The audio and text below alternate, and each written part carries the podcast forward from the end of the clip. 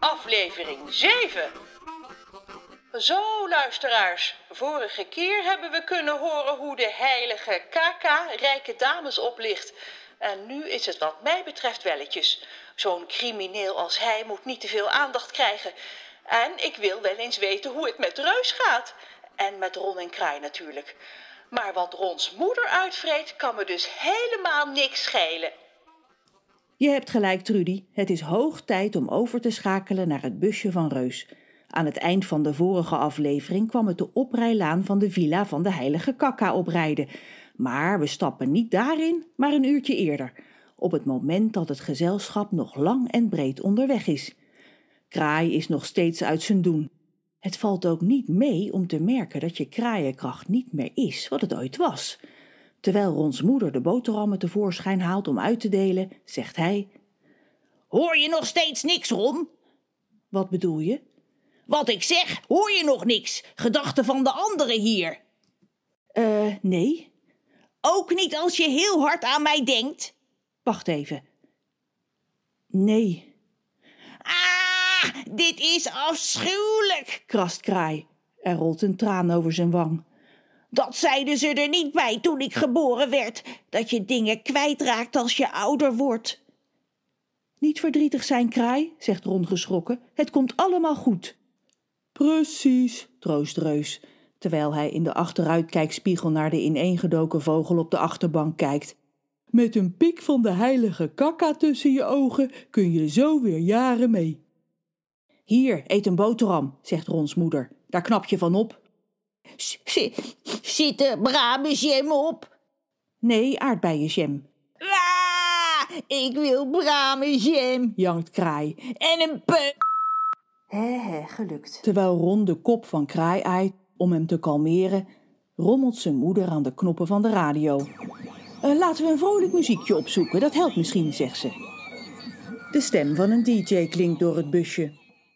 En dan nu een nummer dat hard op weg is om een grote hit te worden. Hij is aangevraagd door Thijs, Jacques, Axelle, Mees, Hidde, Mo en Elin. Hier is Kraaienkracht van de heilige Kaka. Zou jij in het hoofd van iemand anders willen kijken? Van je broer of zus, vader, moeder, verzorger, juf, meester, voetbaltrainer, pedicure? Tja, van iedereen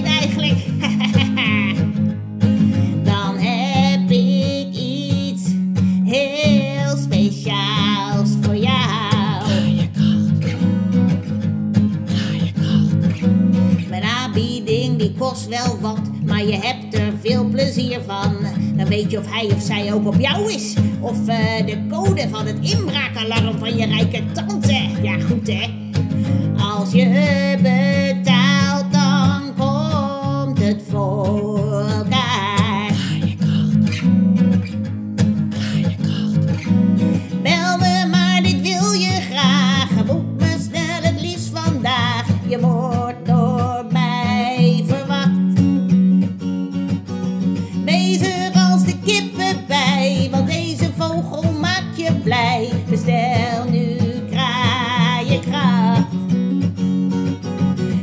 Tussen je ogen, zo gebeurt dat valt best mee toch.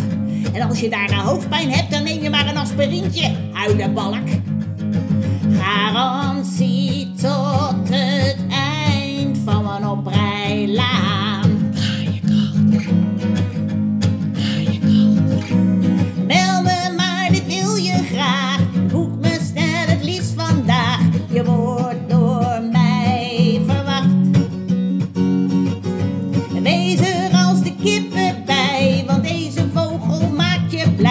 Bestel nu kraaienkracht.